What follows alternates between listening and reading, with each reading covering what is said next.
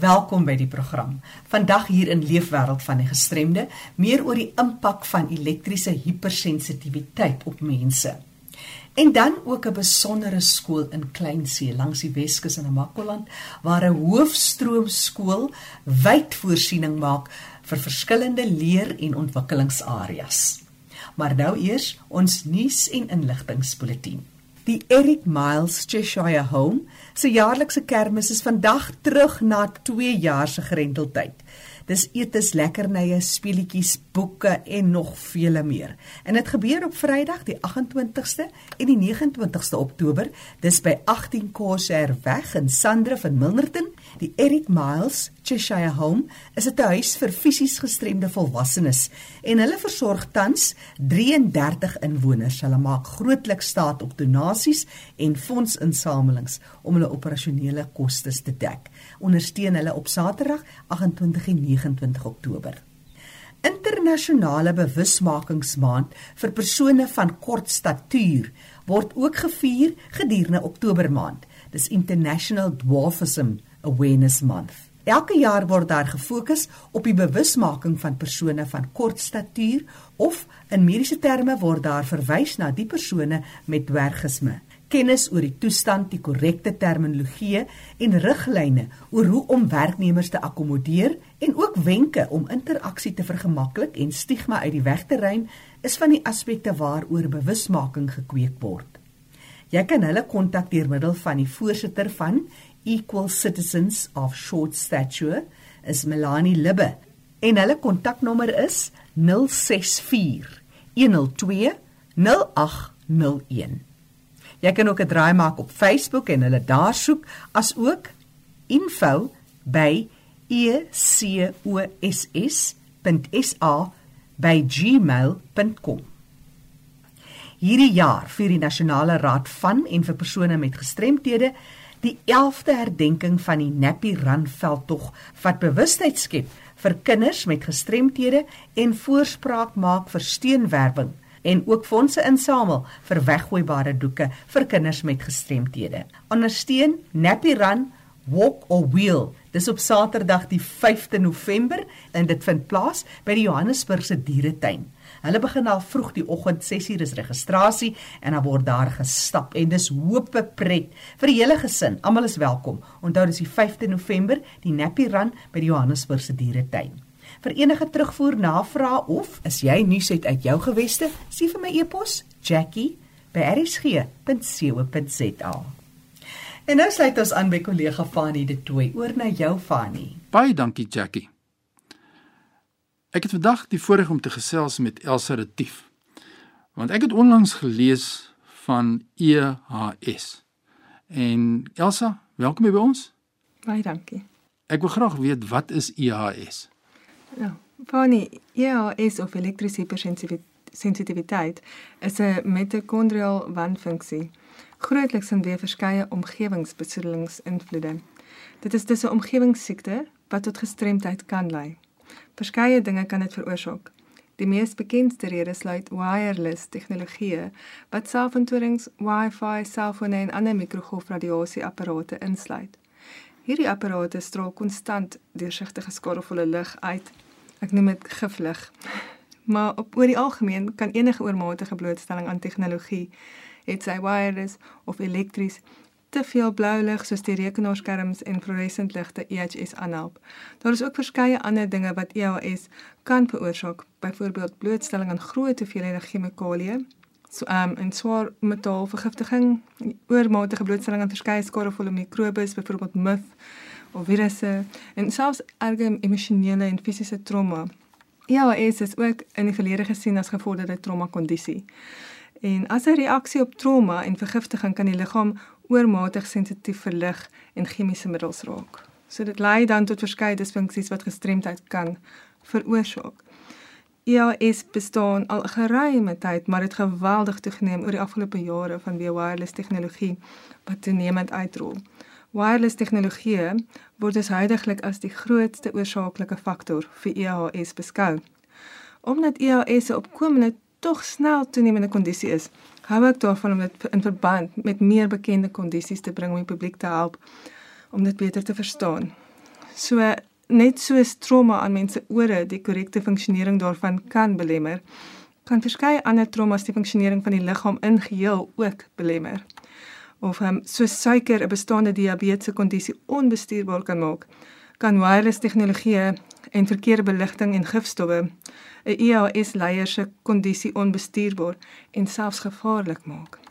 Baie interessant. Jy het nou net ons ingeskakel het selfs met Elsa Retief en ons kyk na die toestand EHS en ons kyk hier in die program Leefwêreld van die gestremde verskillende toestande wat kan lei tot verskillende forme van gestremdheid en as mens kyk na gestremdheid dan kyk 'n mens na fisies, ons kyk na sensories, intellektueel, psigososiaal natuurlik en dan neurologiese funksionering van die persoon. Nou wat sê jy vir ons daar? Wel, Fanny, dis nou waar die kruks is. Want EHS het baie simptome en verskeie van dit is nie spesifiek. Maar ek sou sê dit kan mens raak op algenoemde sfere van gestremdheid. Nie twee mense reageer presies dieselfde op 'n kondisie nie. ELS leiers het dikwels baie gesondheidsprobleme, maar geen mediese ondersoek toon veel duidende resultate of jou konvensionele mediese ondersoeke ten minste. Daar is natuurlik deesdae meer en meer metodes om vir vir EHS te toets, maar die gewone GP in Suid-Afrika het alself grootliks nog nie bekwam hiervoor nie. Net terloops die Wêreldgesondheidsraad bied kursusse aan rondom EAS en dit word aanbeveel mediese praktisyne woon dit by. Maar kortliks, 'n paar gestremthede wat uit EAS kan vloei is um MS wat multiple sclerosis is, dementia, erge kroniese moegheid en verskeie psigososiale kondisies soos depressie en angs en so aan. Dit kan mens dus op al vyf wetlike vlakke van gestremdheid aantas. ELS kan bloot met 'n paar simptome soos migraine, naarheid, depressie, bloedsuikerskommeling, vertigo, tinnitus en allerlei ander simptome begin, maar met die tyd kan dit met verdere blootstelling aan triggers soos wireless tegnologie die persoon so sensitiseer dat hy dat dit al gestrem laat. Ja, nou kom ons kyk nou na jou situasie want dis wat my interesseer. Hoe is jy geraak deur daai? Ja, oh, dis nogal 'n ding. Dankie vir my. My simptome het reeds in die 90's net soos die selfintonings begin het in Suid-Afrika begin. Ek was nog op skool en het 'n ooraktiewe skildklier net ontwikkel. Voor dit was ek oor die algemeen sterk en gesond en net pas pan het provinsiale kampioene gewees en ek het regtig goed gevaar oor die algemeen. Maar ewe skielik het ek verskeie 'n verskeidenheid gesondheidskondisies ontwikkel soos erge gewigsverlies. Op 17 het ek al fibromialgie gehad, op 19 gewrigsprobleme, 23 verskeie psigososiale probleme en petit mal epilepsie En ehm um, ja, dit is uh, baie kinders sê dit was 'n kombinasie van silvertand vulsels en wireless tegnologie. Eintlik op 32 eh, het 'n kanker ontwikkel. En dit gaan net so aan en dit is ook so dat mikrogolfradiasie gelys is as 'n kanker 2A agent na al deur die ja. IIR. Dit is regtig en ons word heeltyd daarin blootgestel. Ja. En as jy dink een uit 4 mense kry nou kanker, dit het so opgegaan. Hierdie getalle. Na chemoterapie was ek ewe skielik uitermate moeg. My brein het geswel en gedesoriënteerd gevoel. Ek het gesukkel om te fokus en te werk. Algehele verswakking in my gesondheid het plaasgevind. Maar die chemo het die simptome nie verbeter daarna nie. Nee, dit het nie na na 2 jaar na die chemo het dit tinnitus en vers, 'n verskriklike vertigo begin. So ek het net al meer agteruit gegaan. Dit was erger as om op 'n skip in 'n verskriklike storm te wees. Ek het nie geweet waar om vas te hou nie. Verder was ek morbied, gedesoriënteerd, angstig en ek kon nie meer een gedagte vir aan een sit nie. Ek kon nie behoorlik slaap, my liggaam het in spasmes getrek en my kykie was selfs geaffekteer deur die net opgerigte selfoontorings in ons area en dit skoor dan oorlede. En ek het nog nooit van EAS gehoor op daardie stadium nie. Dit was my een groot deurmekaar misteriese nagmerrie. Ek het my goed gepak en begin om byna te vlug van iets wat ek nie kon verstaan of sien nie. Eindelik het gees my gelei om ander mense met EAS te ontmoet en spoedig kon ek my kondisie beter verstaan en bestuur. Na jare van kroniese siekte het ek eindelik op 35 gestrem geraak met EHS. Ek kon byvoorbeeld nie meer video editing doen soos altyd nie, omdat ek nie meer behoorlik op die skerm kon sien of die klank so goed kon onderskei met geweldige ernstige tinnitus. Maar dit my oë en ore soms net toegeswel. Ook was ek psigososiale gemors en kon glad nie meer tred hou van weemoegheid nie. Neurologies was die epitemal epilepsie 'n toenemende probleem die EOS het verminder na ek uh, titanium implant in my tande laat verwyder het. Dit was asof al die dinge net in groot kontrapsie bedradingsfout veroorsaak het in my liggaam. Ek noem dit want EAS is 'n omgewingssiekte en sodra die omgewing gesonder raak, kan EAS geaffekteerde soms 'n omkeer in hulle simptome ervaar. Ek leef byvoorbeeld in 'n Faraday hoek. Mens kan byvoorbeeld internet direk van 'n lyn soos fiber optical kabels ontvang en wireless blootstelling om wireless blootstelling te minimaliseer. Ook kan mens jou ligblootstelling in ritme met die normale circadian ritme van die son laat vloei. Byvoorbeeld deur blootstelling in vroegoggendsondig vroeg te gaan slaap in die aande en ook jou rekenaarskerm en beligting in jou huis aan te pas na 'n rooier eerder as 'n blou kleur. Omdat meeste werksomgewings nie hierdie aanpassings maak nie, wat ook vir die beswil van alle werknemers se gesondheid is, is ek afgesny van die ekonomie sowel as meeste sosiale aktiwiteite.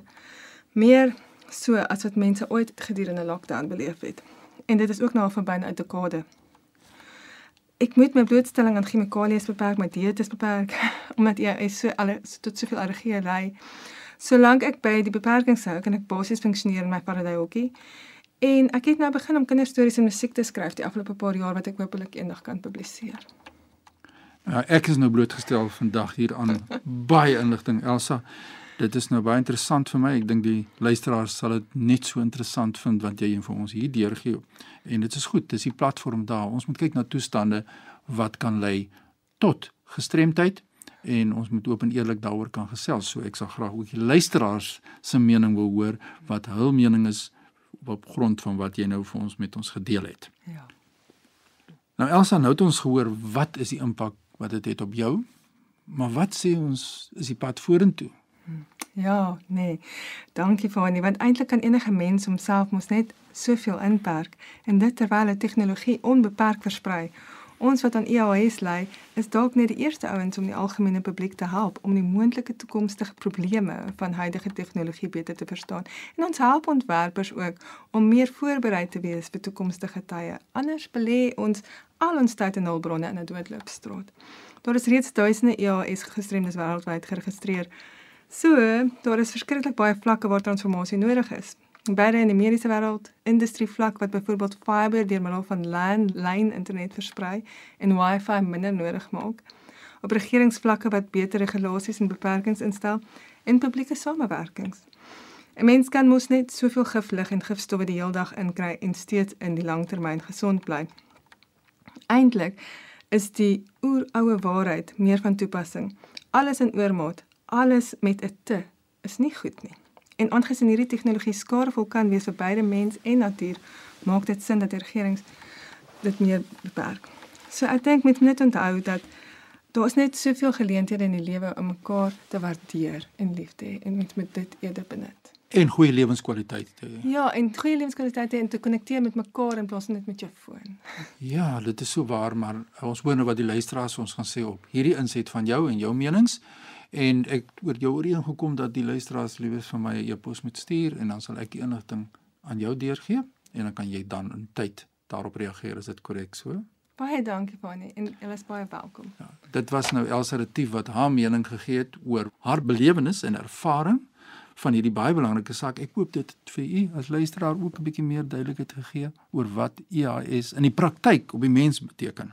So, stuur 'n e-pos aan my, fanny.dt by mweb.co.za. Ek sal al die inligting deurgee aan Elsa en miskien doen ons later 'n opvolgprogram ja. waar ons verder kan uitbrei oor wat is die pad vorentoe soos deur julle wat regstreeks daardeur geraak word gesien word. Baie sterkte met jou werksamehede en die situasie waarin jy jouself bevind. Vreeslik dankie dat ek hier kon wees van nie. Jackie, net weer my e-pos as mense belangstel om Elsa te kommunikeer vanie.dt by mweb.co.za. Groete uit Kaapstad. Dankie Fanny, altyd lekker om van jou te hoor. Ek gesels nou met mevrou Lis Clark. Sy is die skoolhoof by die Kleinsie Sentrum vir Leer en Ontwikkeling. 'n Besondere klein skooltjie en Lis gee eers vir ons 'n bietjie agtergrond oor die skool. Ja, Kleinsie is 'n spesiale skool sedert 2014. Dit was voorheen 'n privaat skool van die Beers. Die skool was voor 2014 was dit slegs 'n hoërskool. Maar die departement van onderwys het vanaf 2007 met 'n beurs onderhandel om 'n skool te vestig wat die hele Namagoland kan dien, veral vir leerders met leerhindernisse. Nou, ehm um, Die skool is heidaglik geleë op drie verskillende kampusse en bestaan uit verskillende strome. Naamlik jou hoërstroomklasse, graad R tot 7, ons ondersteuningsklasse en ons het ook 'n vaardigheidsskool waar leerders uh, vaardighede aanleer soos haarkappery, kantooradministrasie en algemene instandhouding brei ons hulle voor vir toekomstige werksgeleenthede. Dit klink vir my na wonderlike skool. So bedien julle kinders reg oor Namakoland. Jy praat nou van uh, kinders van Namakoland en is daar dan akkommodasie vir hulle? Hoe gaan julle te werk daarmee? Ja, die leerders by ons skool kom van die Rigtersveld, sover as die Rigtersveld en dan dan ook in die Kamiesberg omgewing en Namakwa omgewing. So dit is van van verskillende uh, distrikte in Namakwa. En hulle word gehuisves in 'n koshuis ehm um, wat aangrens aan die skool. En hoeveel kinders het julle omtrent lus? Op die oomblik is dit ons so 'n uh, bietjie meer 206 leerders. En 'n wonderlike leerkragte span wat daar saam met jou werk nie. Ja, ons het 'n fantastiese span wat uh, saam met my werk en hulle elkeen doen sy deel en en, en baie doen meer as wat van hulle verwag word. So die kinders is vir ons baie spesiaal en ons behandel hulle dan ook so. Mm. En dit is juis oor daai deel wat ek nou wil gesels. Die vaardigheidsskool want dit is seker 'n groot lekkerte en dan ook die leergestremdhede. En jy sê vir my dis juffrou Rika wat eintlik die storie kan vertel.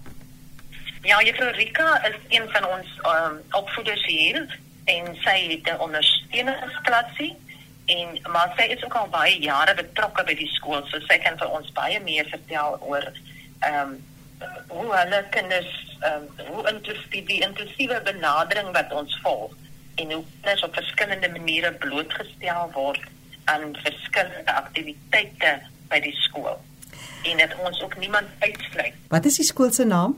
Kleinsie Sentrum vir Leer en Ontwikkeling voorheen was dit Kleinsee Primêre Skool.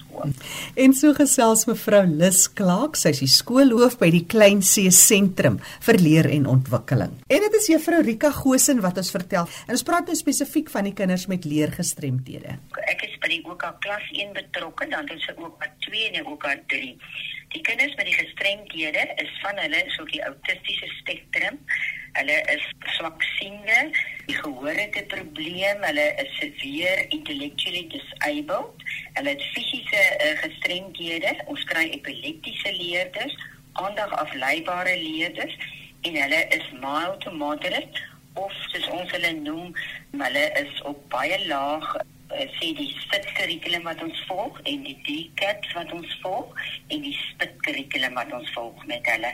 En ons skakel hierdie kinders elke kind het uh, word individueel onderrig met 'n uh, individuele opvoedingsplan wat ons vir hulle uitwerk en ons skakel ook die leerders in by die vaardigheidskinders met die haarkappery. Hulle gaan leer om hare te doen uh, by die kantooradministrasie om die um, rekenaars um, te gebruik en ook aan die instandhouding om basiese artikeltjies te maak wat hulle weer kan verkoop as hulle die dag weer weggaan, kan hulle hulle self help en dan die kinders werk ook op rekenaars wat hulle met die 'n eh, monster keyboards soos ons hulle noem wat groter sleutels het en wat verskillende kleure het so ons voorsien in almal van hulle se behoeftes.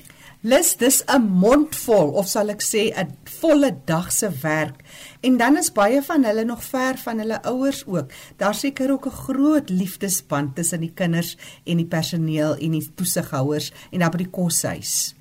Ja, definitief. Hulle klim maar almal ons harte. Ek sê altyd vir hulle my hart is so groot soos 'n taxi. Almal kan net klim en saamry. Mooi. So hulle, jy weet van die kinders is al 6 jaar by my en hulle ouderdomme wissel van 10 tot 20.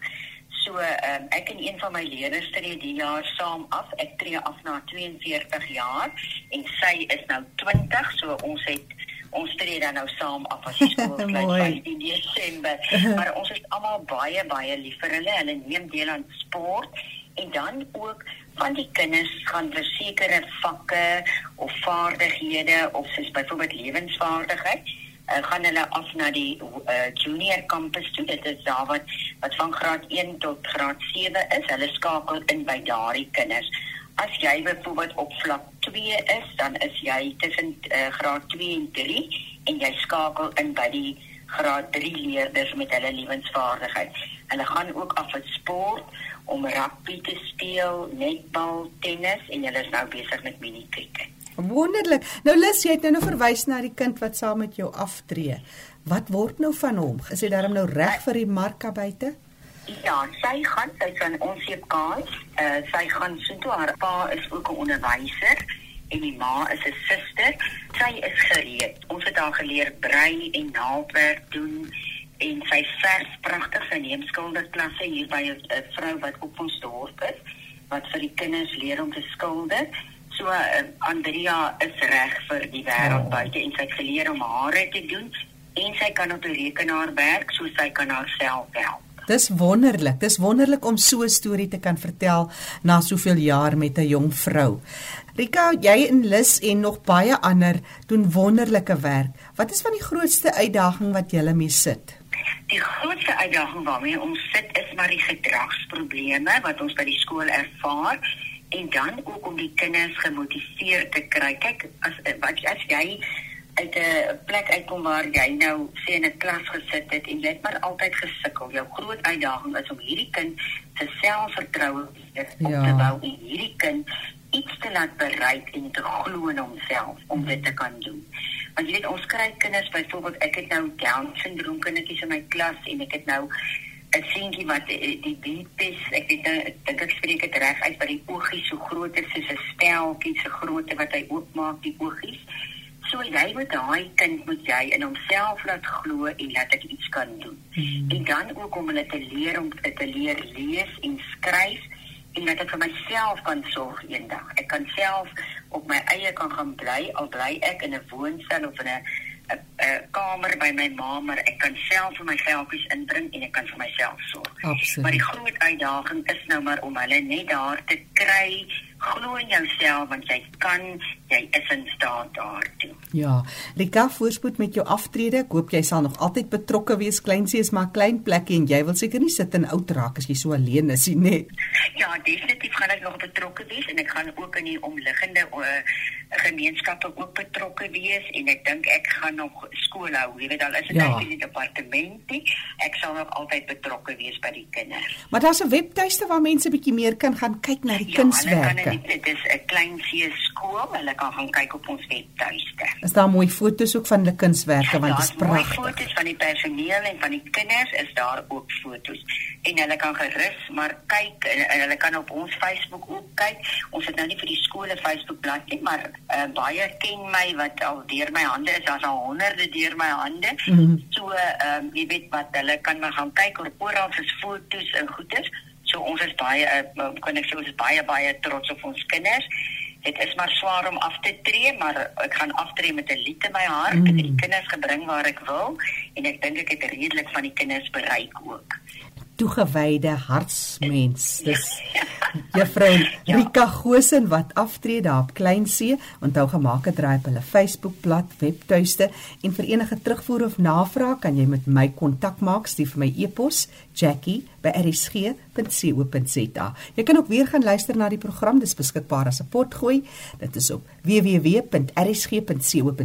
by potgooi. Gaan na L Leefwêreld van die gestremde en met vandag se datum. Die program staan onder leiding van Fanie De Tooy en ek is Jackie January.